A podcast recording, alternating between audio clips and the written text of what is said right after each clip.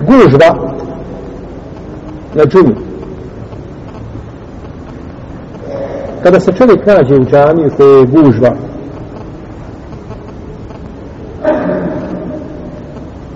pa ne može učiniti ruku na propisan način, odnosno onako kako običajno čini, neka učini kako može, ruku i sršte. A ako ne može, taman kada bi činio na leđima svoga brata, dozvoljeno mu je. Kako kaže Omer ibn Khattab radijallahu anhu, kaže kada se poveća gužva, neka od vas neko učini seždu na leđa svoga brata. I u kada ih drži Abdurazak, imama taj ali u svome musnadu, i ona ima vjerodostajan lanac prenosilaca.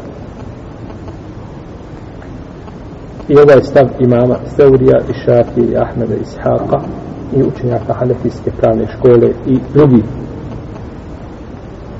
A ako je mesri toliko pun, pa da se i napolje, znači izlazi i dozvoljeno je klanjati povezano sa safovima, dok je god povezano dozvoljeno klanjati.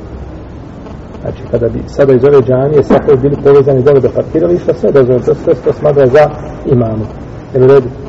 Međutim, ne smatra se za imamom da neko ode tamo na ono dugo parkiralište pa da stane i da klanja. U redu. Zato što nije povezan safovima, nego je odvojen, znači. Pa mora biti povezan. I ovo se često pravi greška u Meku. Ljudi stanuju na desetom gore spratu i klanjaju za imama.